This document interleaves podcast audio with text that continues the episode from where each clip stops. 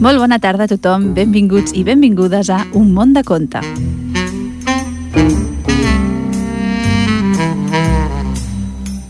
Benvinguts i benvingudes a aquest espai que, com sabem, cada, com sabeu, cada dilluns, eh, perdó, cada dimecres de, 5, eh, de 6 a 7 de la tarda eh, faig jo mateixa, la Marviera, i el control tècnic, en Jordi Puy.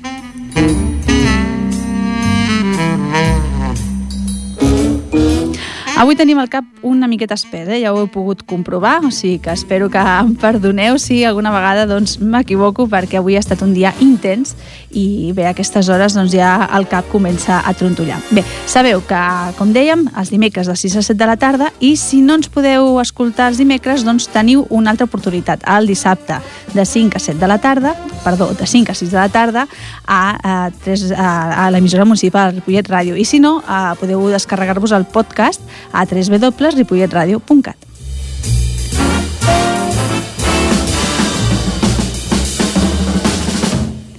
Vaig ràpidament a explicar-vos quin és el contingut del programa d'avui. Uh, portem quatre històries, tornem a agafar els contes tradicionals. Com sabeu, aquestes darreres setmanes doncs, hem estat uh, explicant altres tipus de contes. La setmana passada fèiem contes de l'Enid Blyton i avui doncs, portem els títols El petit sastre valent, Blanca Flor i Roja Flor, La dona del pescador i l'oncle Llop.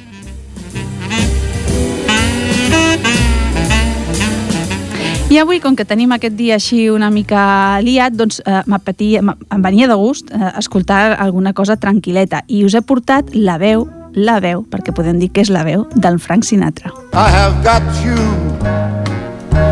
under my skin I've got us he portat temes del Frank Sinatra eh, que en realitat mm, estan compartits amb altres cantants, amb altres eh, artistes, com per exemple el Bono d'U2 o la Natalie Cole, bé, doncs diferents cantants que van oferir-se a fer duets amb ell i que realment doncs, són una delícia i que espero que, que disfruteu i que us agradin tant com a mi. Not to give in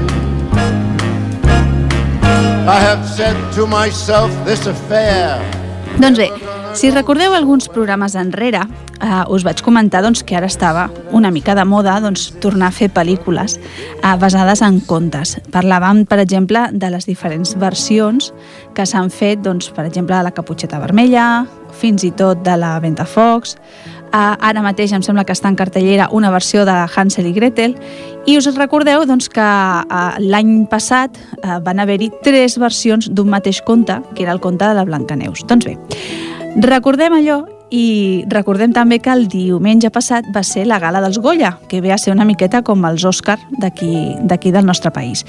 I bé, doncs qui Quina va ser la pel·lícula més guardonada? Doncs va ser la versió espanyola que es va fer d'aquest conte de Blancaneus, que estava dirigida doncs, pel Pablo Berger. I aquesta mm, pel·lícula doncs, es va, va sortir o va passar la nit amb un total de 10 estatuetes i tot i que no es van portar el Premi al millor director, que se'l van portar doncs, la pel·lícula Lo Impossible, sí que va doncs, eh, guanyar en número de golles a pel·lícules com Grupo 7, la mateixa Lo Impossible, L'artista i la modelo, i es va convertir en la, prim la primera pel·lícula sense veu, perquè sabeu que, que el Blancanieves, aquesta versió espanyola, és una pel·lícula muda, no té, no té paraules, i a més, a més, a més, a més en blanc i negre, i doncs és la primera vegada que un tipus de pel·lícula així doncs, guanyar un, un premi. A part del Premi a la millor pel·lícula, doncs, entre els Goyes tenim el Premi a la millor actriu principal, que va guanyar la Maribel Verdú, que era qui feia de la madrastra, i a més a més el Premi a la millor actriu revelació per la Macarena García, que bueno, doncs, la veritat és que és una delícia de, de nena i a més a més actua molt bé. Altres premis, altres Goyes que va rebre van ser doncs, la direcció artística, el vestuari, a la cançó original, malgrat eh, l'error que, que es va tenir a la gala, que estaven com avui estic jo, doncs més o menys estava així la, la, la persona que va donar aquest Goya. Aquesta versió d'aquesta Blancaneus doncs, és una versió de caràcter gòtic i, a més a més, doncs, va estar ambientada en l'Espanya dels anys 20. Eh, Blancaneus, en realitat no es diu Blancaneus, es diu Carmen, o sigui, no podia ser un nom més nostre, una vella noia amb una infància doncs, atormentada per la seva terrible madrastra que es diu Encarna. I fugint d'aquest passat, la Carmen doncs, emprèn un apassionant viatge acompanyada pels seus nous amics, que són doncs, una truc de nans que en realitat són enanos toreros. No sé si algú recorda doncs, aquesta imatge que abans sortien a les places i que feien doncs, bueno, amb una miqueta d'humor eh, bueno, el tema de, de les curses de braus, eh, etc. Doncs bé, enhorabona per aquests premis i contents, contents que un conte doncs, bueno, aquesta vegada eh, ha fet pel·lícula doncs, hagi pogut guanyar tants Goya i hagi estat la pel·lícula doncs, més guardonada en aquesta nit tan especial.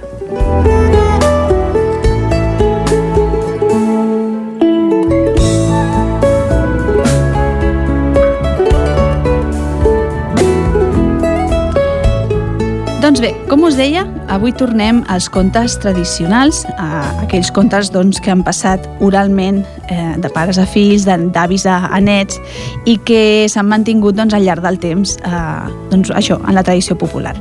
Els he extret d'un llibre que es titula Explica'm un conte, del qual doncs, hi ha diferents volums, i també eh, d'un altre llibre que es titula La caputxeta vermella i altres contes de llops malvats, que és un, conte, bueno, un llibre molt divertit que si voleu, doncs, com sempre, a la biblioteca de Ripollet els podeu agafar. Bé, doncs el primer conte, el que porta per títol El petit sastre valent, comença així. En un país molt llunyà, hi havia una vegada un humil sastre que pensava que la vida era cosir i cantar tot el dia al seu taller. Tenia com a company un lloro que sabia totes les cançons que ell cantava. Un bon dia, el petit sastre es disposava a berenar pa amb xocolata quan va veure cinc mosques damunt la xocolata. Fora d'aquí, golafres! va cridar, i amb un retall de roba les va matar totes cinc de cop. Que n'ets de valent, petit sastre! va exclamar el lloro fent broma. N'has mort cinc! Oblida't de cosir cantar i llança't a fer fortuna pel món. El petit sastre, que era un ingenu, va agafar la broma al peu de la lletra i se'n va anar a fer fortuna pel món, cantant sempre la mateixa cançó. N'he mort cinc, cinc n'he mort jo. La gent miraven amb respecte i ningú gosava ficar-se amb ell, per si de cas. D'aquesta manera, ell cada vegada estava més convençut que era valent i creia que matar cinc mosques de cop era una gran proesa. Un bon dia va arribar en un poble de les muntanyes i li van dir que anés molt en compte perquè al bosc proper hi havia un gegant capaç d'empassar-se qualsevol. Ha! va riure el petit sastre. No em parleu de gegants. N'he mort cinc. Cinc n'he mort jo. No tinc por de res ni de ningú. I se'n va anar al bosc a la recerca del gegant. La gent es va quedar molt sorpresos de la seva valentia, però en arribar la nit, el petit sastre va començar a pensar que una cosa era matar cinc mosques i una altra molt diferent, enfrontar-se amb un gegant voràs. Alto, va exclamar de sobte una veuassa com un tro. Qui gosa trepitjar el meu bosc? Soc el petit sastre valent, va contestar ell, dissimulant la por que li feia el gegant, perquè era tan gran com els arbres. N'he mort cinc, cinc n'he mort jo. Cinc? Va replicar el gegant. No està malament, però ara veurem de tots dos qui és el més fort. I dient això va agafar una pedra grossa de terra i la va esmicular amb una sola mà. Ara tu, petit sastre, va dir el gegant. El petit sastre es va quedar estupefacte, però com que era bastant espavilat, es va jupir i en lloc d'agafar una pedra va treure un tros de formatge. El portava al serró i el va aixafar amb una sola mà. Llavors el gegant el va convidar a sopar i després li va oferir el dormitori perquè hi passés la nit però el mataràs era molt gros i incòmode i el petit sastre va preferir ajeure sota el llit. A mitjanit el gegant va entrar silenciosament amb la intenció de matar-lo i pensant que dormia al matalàs, el va destrossar a cops. Al matí el petit sastre es va llevar ben tranquil, va demanar l'esmorzar i el gegant, en veure'l, es va pensar que era un fantasma i va fugir del bosc per sempre més. El petit sastre va seguir caminant i va arribar en un altre país. Allà hi havia un rei que vivia feliç amb la seva bonica filla, però que estava molt preocupat perquè dos ossos salvatges arrasaven els conreus del regne. Quan va saber que havia arribat el petit sastre valent, li va demanar que matés els dos ossos. El petit sastre valent va anar a la recerca dels ossos, però al cap d'una estona va pensar que una cosa era matar cinc mosques de cop o espantar un gegant, i una altra, molt diferent, matar un parell d'ossos salvatges. De sobte va trobar els ossos, que dormien a l'ombra d'un arbre i se li va acudir una idea. Es va enfilar l'arbre amb unes pedres a la mà i des de dalt em va tirar una que em va anar a parar al cap de l'ossa. L'animal es va despertar enfurismat i li va clavar una urpada al seu company. «Ai, per què em pegues?» va preguntar l'os. Perquè tu m'has pagat primer, va contestar l'ossa. No he estat jo, va dir ell. Però és igual, seguim dormint tranquils. I així ho van fer. Però llavors, llavors el petit sastre va deixar caure una altra pedra. Aquesta vegada damunt del cap de l'os. Aquest, enfadat, va clavar una bona empenta a l'ossa. Ahir, es va queixar l'ossa, ara m'has pagat tu, va clavar una pinya al seu company i es van embrancar en una lluita espantosa, fins que tots dos van caure morts a terra. Llavors el petit sastre va baixar de l'arbre, va tallar les cues dels dos ossos i les van portar al rei com a prova que havia complert la seva missió. El rei se'n va alegrar molt, però li va explicar que hi havia un altre monstre que sembrava el terror al regne. Era un unicorn, un unicorn furibund que no deixava la població en pau, i li va dir que si l'eliminava li regalaria la meitat del seu regne i li concediria la mà de la seva filla, la princesa. El petit sastre s'havia enamorat de la princesa des del primer moment que l'havia vist. Sense pensar-s'ho dues vegades se'n va anar al bosc a la recerca de l'altre monstre. Però en arribar-hi va començar a pensar, com sempre, que una cosa era matar cinc mosques de cop, espantar un gegant i enganyar dos ossos. I una altra molt diferent, enfrontar-se amb un unicorn furibund. Per tal d'animar-se va començar a cantar la seva cançó cridant, fins que des de sobte va sentir un terrabastall que semblava un terratrèmol. Va mirar enrere i va veure l'unicorn que corria cap a ell amenaçant-lo amb la seva única banya. Una banyassa gruixuda i dura com cinc llances juntes. El petit sastre va fer mitja volta, però va topar amb un arbre de tronc gruixut que li barrava el pas. I en aquell moment l'unicorn se li va llançar a sobre. Però llavors el petit sastre es va, es va, es va apartar. L'unicorn es va quedar amb la banya clavada al tronc i sense poder-se moure, i el petit sastre el va deixar lligat amb una corda per sempre més. El rei, sumament complegut, li va donar la meitat del seu regne i la mà de la princesa. I vet aquí un gos, i vet aquí un gat, i aquest conte ja s'ha acabat.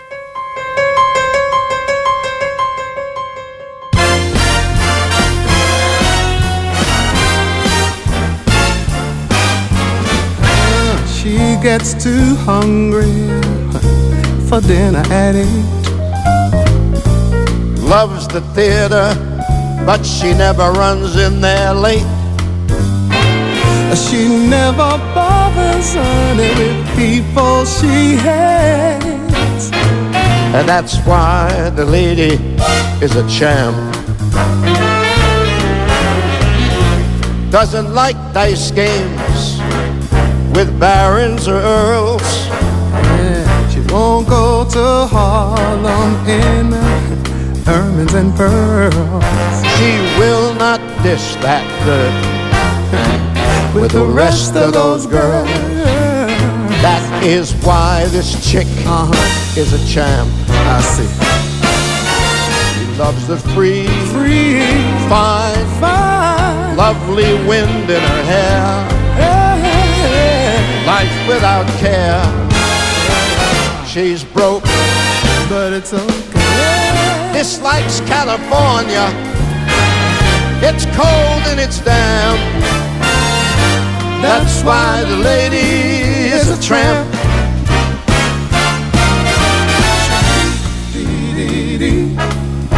She dee dee dee dee dee.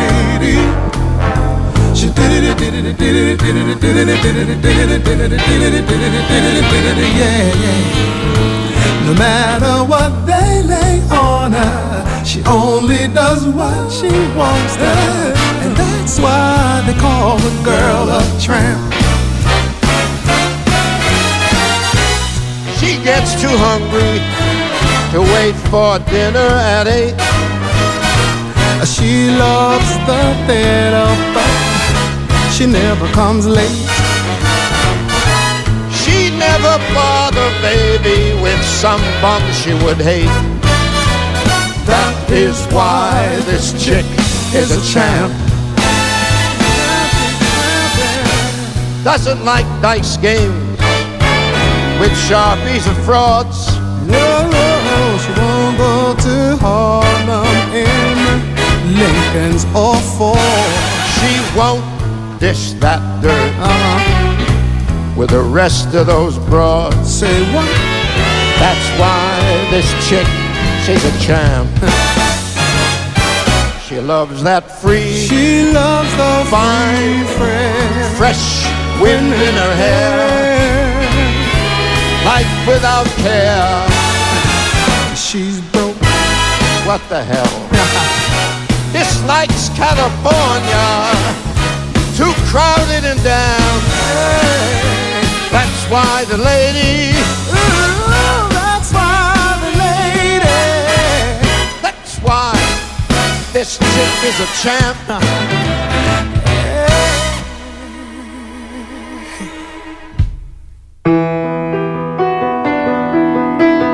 Doncs aquest tema era The Lady is a Tramp que el Frank Sinatra doncs, compartia amb el Luther Vandross. És una versió doncs, molt agradable que espero que us hagi agradat.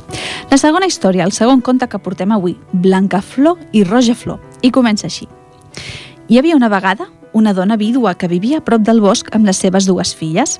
Al seu jardí creixien dos rosers, un de roses vermelles i un de roses blanques. I com que les seves dues filles s'assemblaven als dos rosers, les va anomenar Roja Flor i Blancaflor. Les dues germanes s'entenien bé, estimaven molt la seva mare, l'ajudaven tant com podien i totes tres vivien felices. A Rogeflor li agradava córrer pel camp, fer rams de flors i buscar nius d'ocells.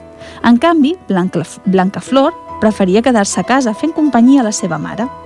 De tota manera, totes dues eren amigues dels animals del bosc i solien fer llargues passejades agafades de la mà.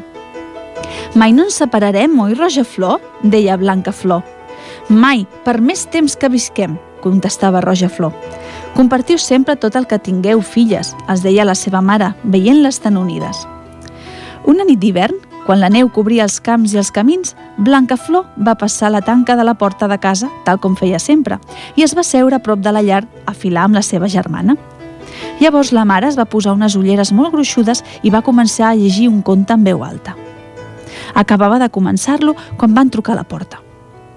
Roja Flor va anar a obrir, pensant que deuria ser un pobre viatger glaçat de fred. I quina sorpresa que va tenir quan va veure que era un os enorme amb el cap tot negre. Roja Flor es va espantar moltíssim i va fer un salt enrere. Blanca Flor va córrer a amagar-se sota el llit de la seva mare. No tingueu por, va dir l'os de seguida, no us faré mal. Estic glaçat de fred i em voldria escalfar una mica. Què puc passar?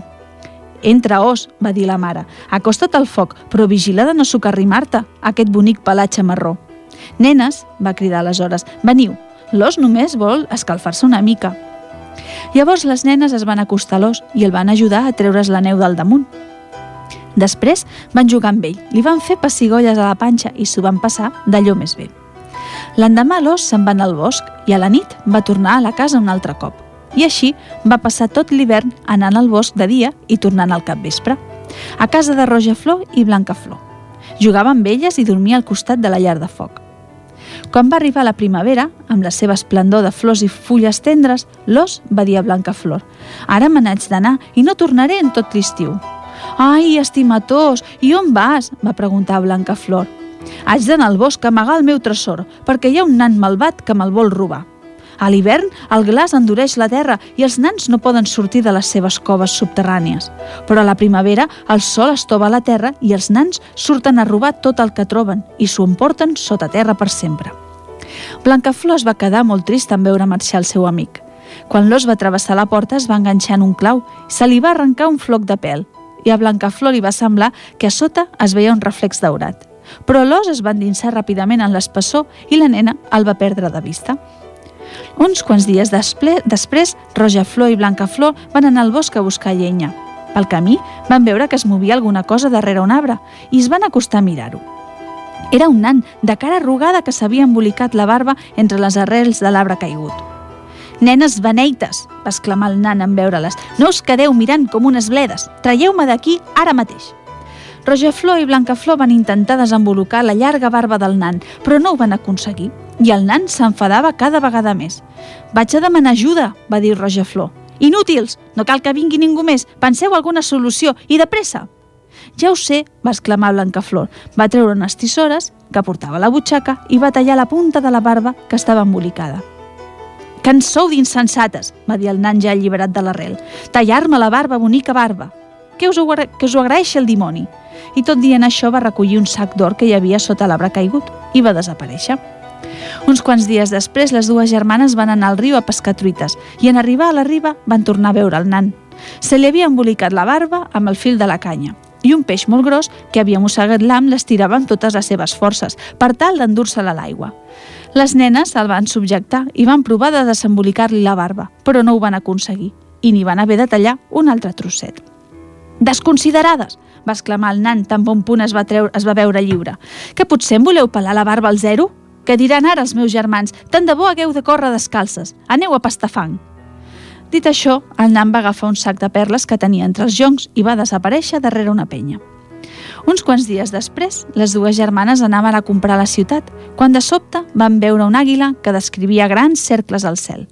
Al cap d'un moment, l'àguila es va llançar en picat i tot seguit es van sentir uns esgarrips terribles.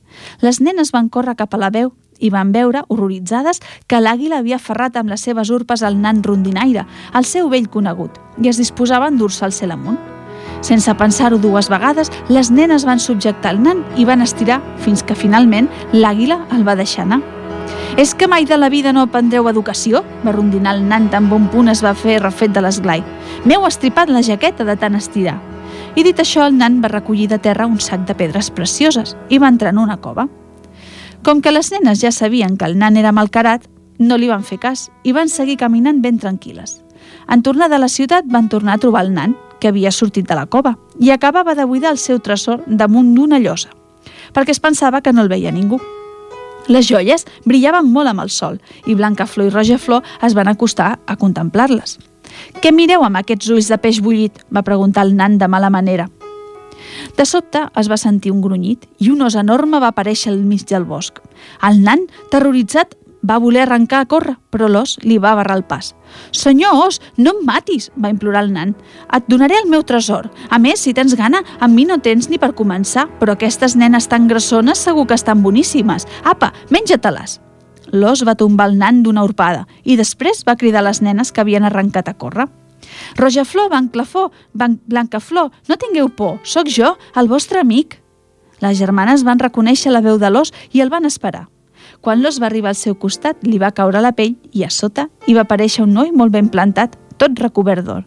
Soc un príncep, però el nan em va transformar en os per tal de robar-me el tresor. Jo no podia tornar a ser príncep fins que el nan morís, però finalment tot s'ha acabat. Al cap d'un temps, Blancaflor es va casar amb el príncep i Rojaflor amb el seu germà. La mare de les nenes se'n van a viure amb ells i es van portar els seus dos rosers, i a partir d'aleshores van ser feliços per sempre més.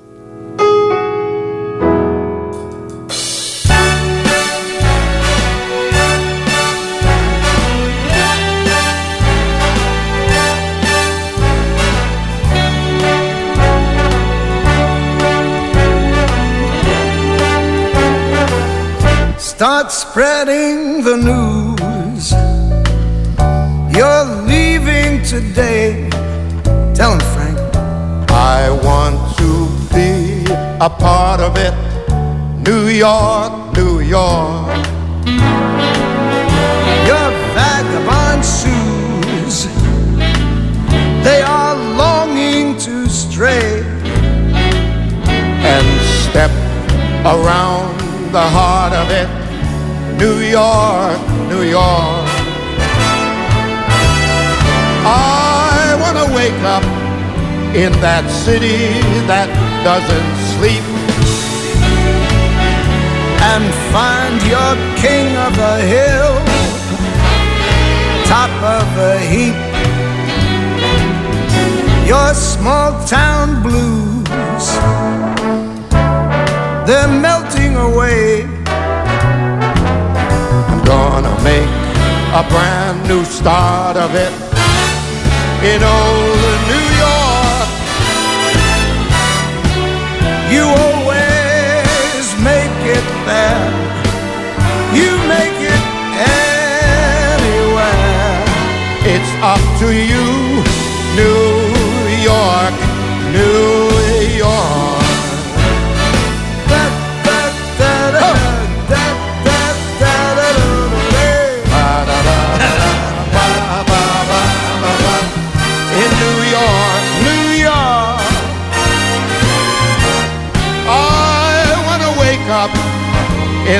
city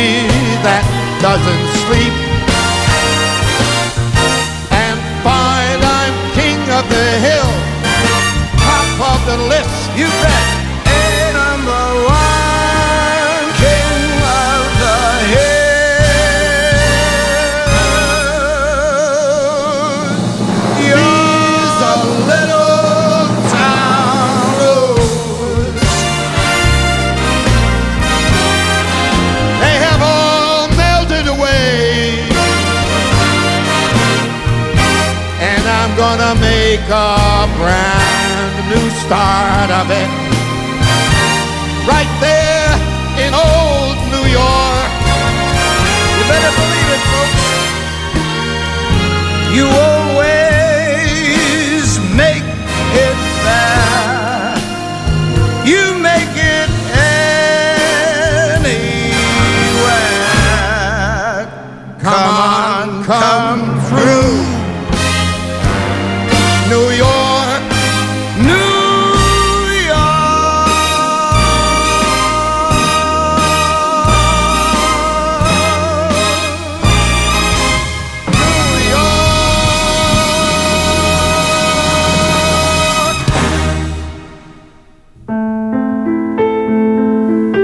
Escoltàvem el New York, New York, eh, acompanyat eh, del Tony Bennett.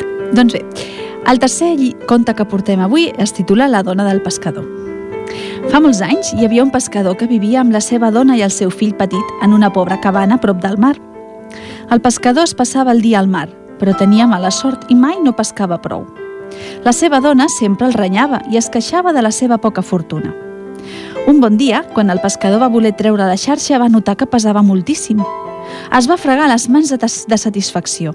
Va estirar la xarxa amb totes les seves forces i va veure que havia pescat un peix enorme i molt bonic. De sobte, amb gran sorpresa per part del pescador, el peix va començar a parlar. Deixa'm anar, bon home, li va demanar el peix. No sóc un peix, sinó un príncep encantat. Per tant, deixa'm tornar al mar. El pescador, encara que va pensar que la seva esposa s'enfadaria molt quan li, li expliqués, va deixar anar el peix de seguida. I aquest li va dir Moltes gràcies, pescador.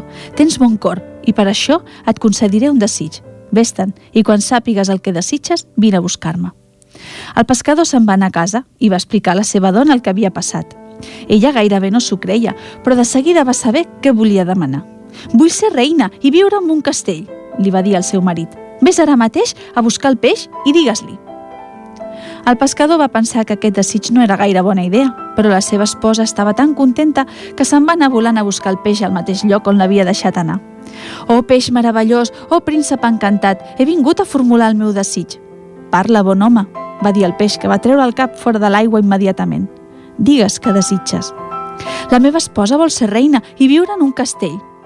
Torna a casa teva, perquè el teu desig ja s'ha complert, va contestar el peix, i va desaparèixer. Efectivament, en acostar-se a la seva casa, no va veure la pobra cabana on vivia, sinó un bonic castell de pedra. La seva esposa l'esperava a la porta, vestida amb rics vestits de reina. Però la felicitat de la dona del pescador no va durar gaire, perquè al cap de pocs dies es va avorrir de ser reina i va dir al seu espòs «Ves a dir-li al peix que vull ser la mestressa del sol i la lluna». El pescador no sabia què fer perquè el peix havia dit que li concediria un desig, no pas dos, i potser s'enfadaria. «Oh, peix meravellós! Oh, príncep encantat!» el va cridar una vegada i una altra des de la riba, però l'enorme peix no apareixia. El va seguir cridant fins que es va quedar fònic i aleshores se li va acudir de tirar-se a l'aigua per buscar-lo al fons del mar. Va bussejar molta estona entre les algues i les roques, tot i que havia de pujar a la superfície de tant en tant per omplir-se els pulmons d'aire. I va veure peixos molt bonics, coralls de tots colors, i coves i conca concavitats que semblaven ciutats encantades del fons del mar. El pescador va trobar unes boniques sirenes que feien collarets de perles assegudes a les roques i els va preguntar si havien vist el príncep encantat. Però feia molts dies que les sirenes no l'havien vist. Ho va preguntar després a un pop enorme que es netejava els tentacles, però tampoc no en sabia res. Finalment ho va preguntar un peixet diminut de color groc amb pics blaus que en lloc de cua tenia una llarga cavallera i el peixet li va dir «Tot just fa un moment que passejàvem junts. Vine, que et portaré on és ell». Van nedar una estona i van arribar en una gran concavitat vermellosa, on es va deturar a descansar. El peixet guia va desaparèixer per una esquerda i al cap d'una estona el pescador va sentir una veu. «Què em buscaves, bon home?» «Sí, peix meravellós», va respondre el pescador tremolant de fred i de por. «He vingut a demanar-te un altre desig per la meva dona. Ara vols ser, vols ser mestressa del sol i la lluna. Torna a casa i la trobaràs al seu lloc». Havent dit aquestes paraules, el peix va desaparèixer i el pescador va tornar a casa seva tremolant encara de fred i de por, perquè estava segur que la seva esposa també es cansaria de ser mestressa de sol i la lluna i vés a saber què demanaria després. Això no obstant, en arribar a casa només va trobar la miserable cabana de sempre i la seva esposa contemplant la pobra caseta. Has demanat el peix el que t'he dit? li va preguntar la seva dona. Sí, va contestar ell. Doncs m'ha concedit un regal millor del que jo esperava. Ara sé que el nostre fill i tu i la nostra pobra cabana de fusta em fan més feliç que el sol i la lluna. I així, havent recuperat l'amor, el pescador va abraçar la seva dona i el seu fillet i va agrair al peix que li hagués concedit el que més desitjava. I des d'aleshores van viure feliços fins la fi dels seus dies.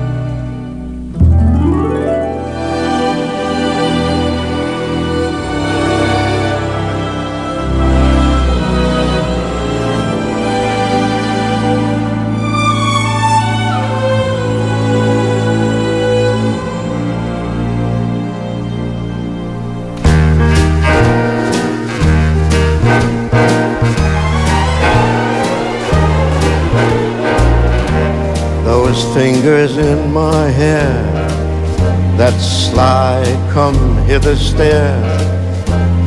Leaves my conscience bare it's witchcraft. And I've got no defense for it. The heat is too intense for it. What good would common sense for it because it's witchcraft. That wicked witchcraft. And although I know it's strictly taboo.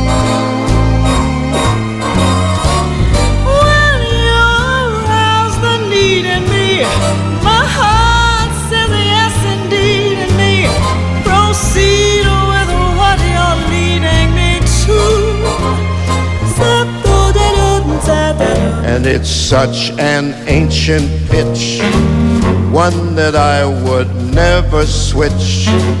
Because there's no nicer witch than you.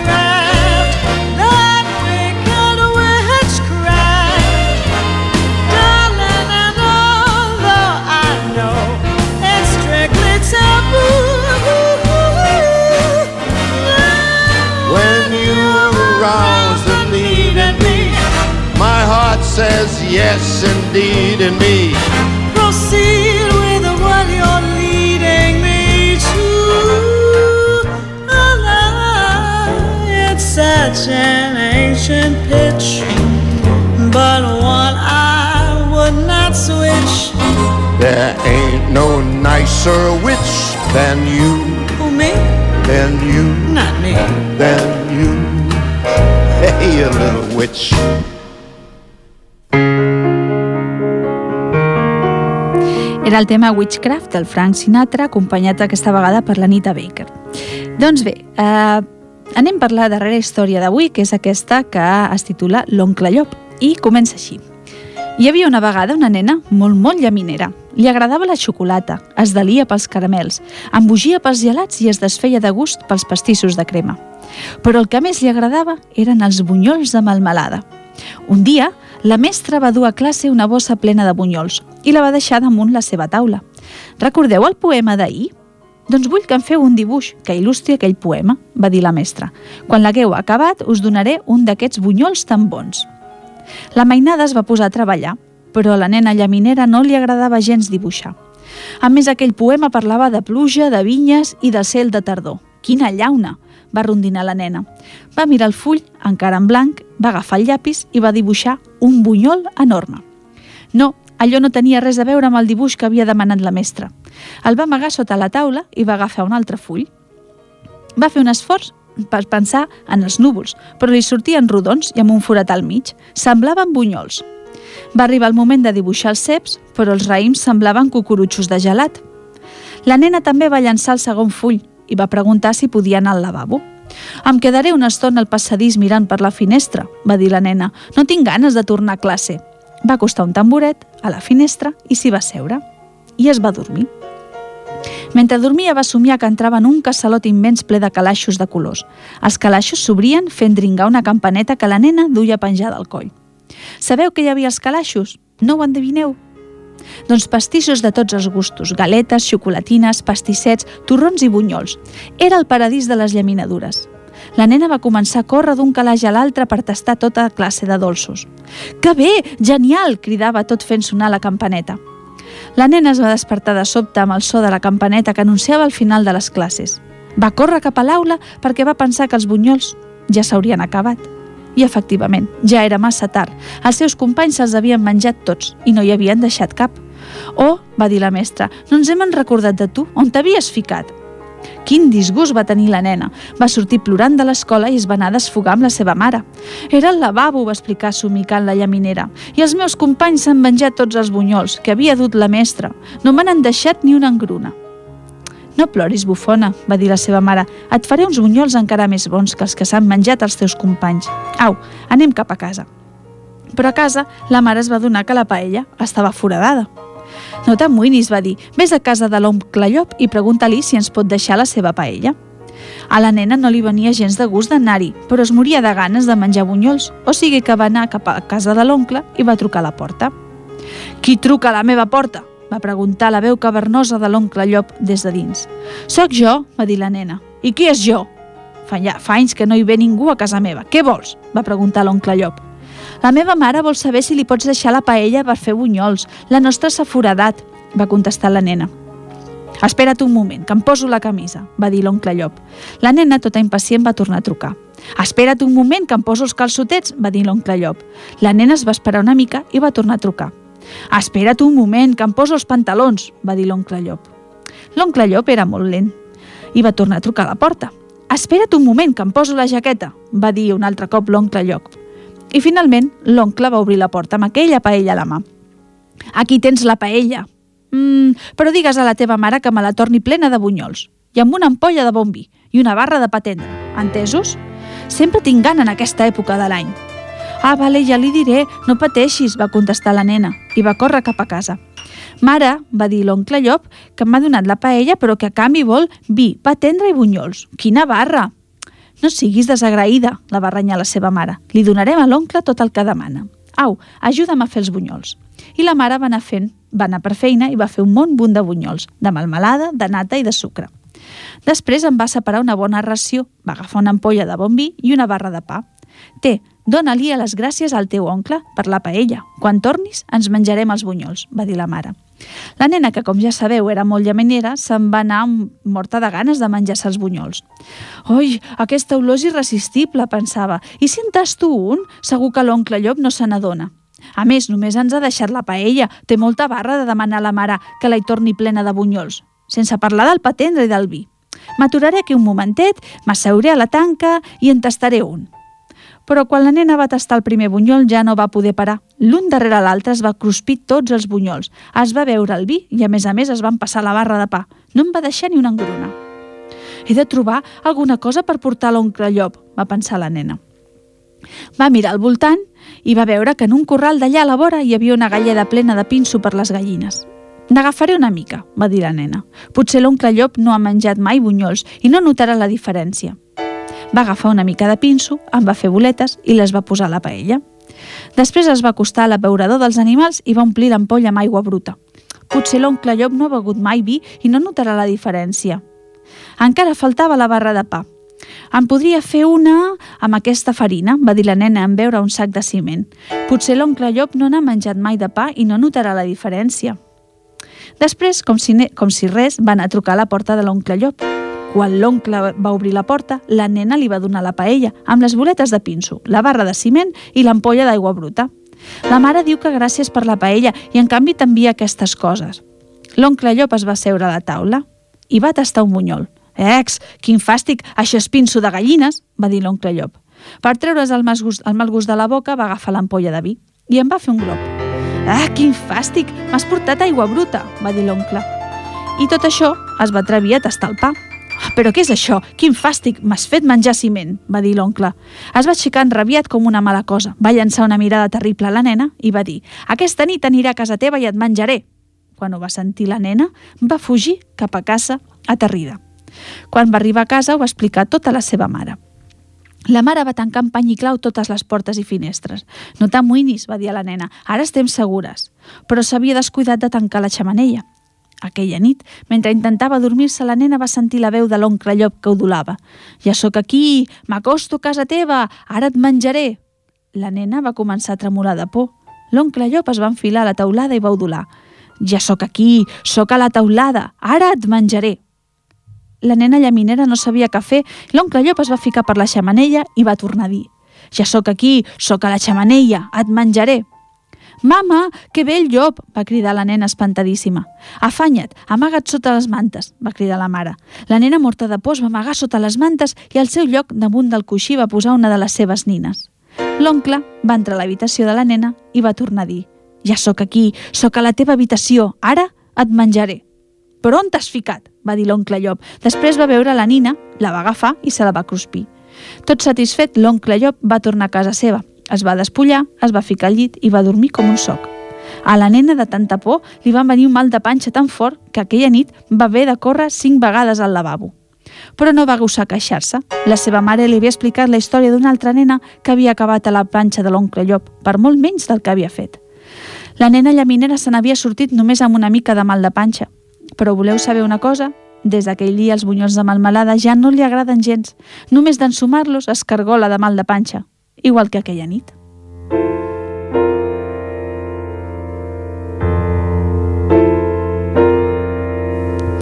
Doncs bé, amb aquesta història de l'oncle Llop hem arribat al final del programa. Ara us deixarem amb una darrera cançó del Frank Sinatra, aquesta vegada acompanyat pel Bono d'U2, eh, és aquella que es titula I've Got You Under Your Skin. Uh, bé, espero que passeu un bon cap de setmana, un bon final de setmana i que ens tornem a trobar el dimecres vinent. Una abraçada. Have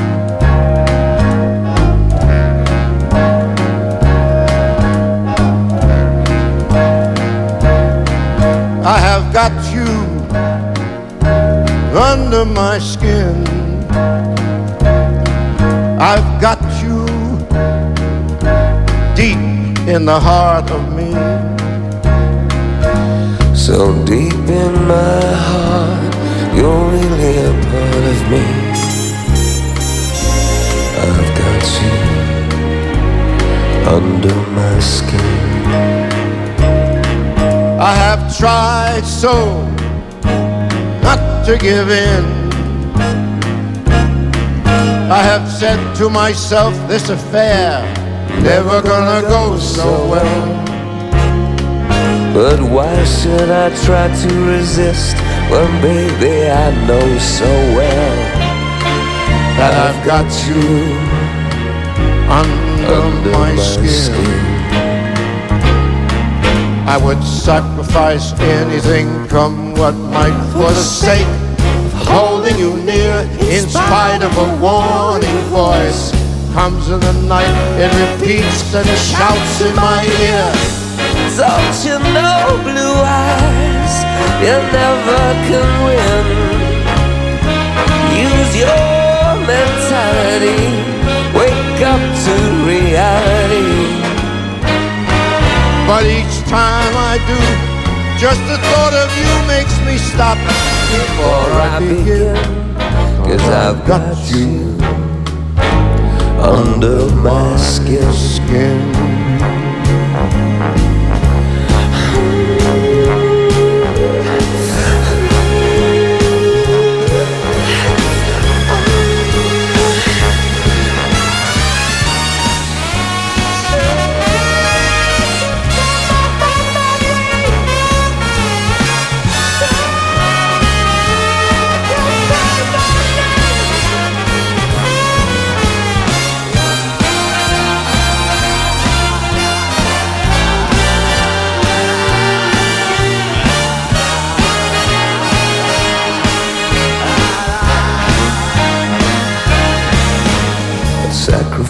Sacrifice anything come what may for the sake of having you near. In spite of a warning voice, comes in the night and repeats and it shouts in my ear.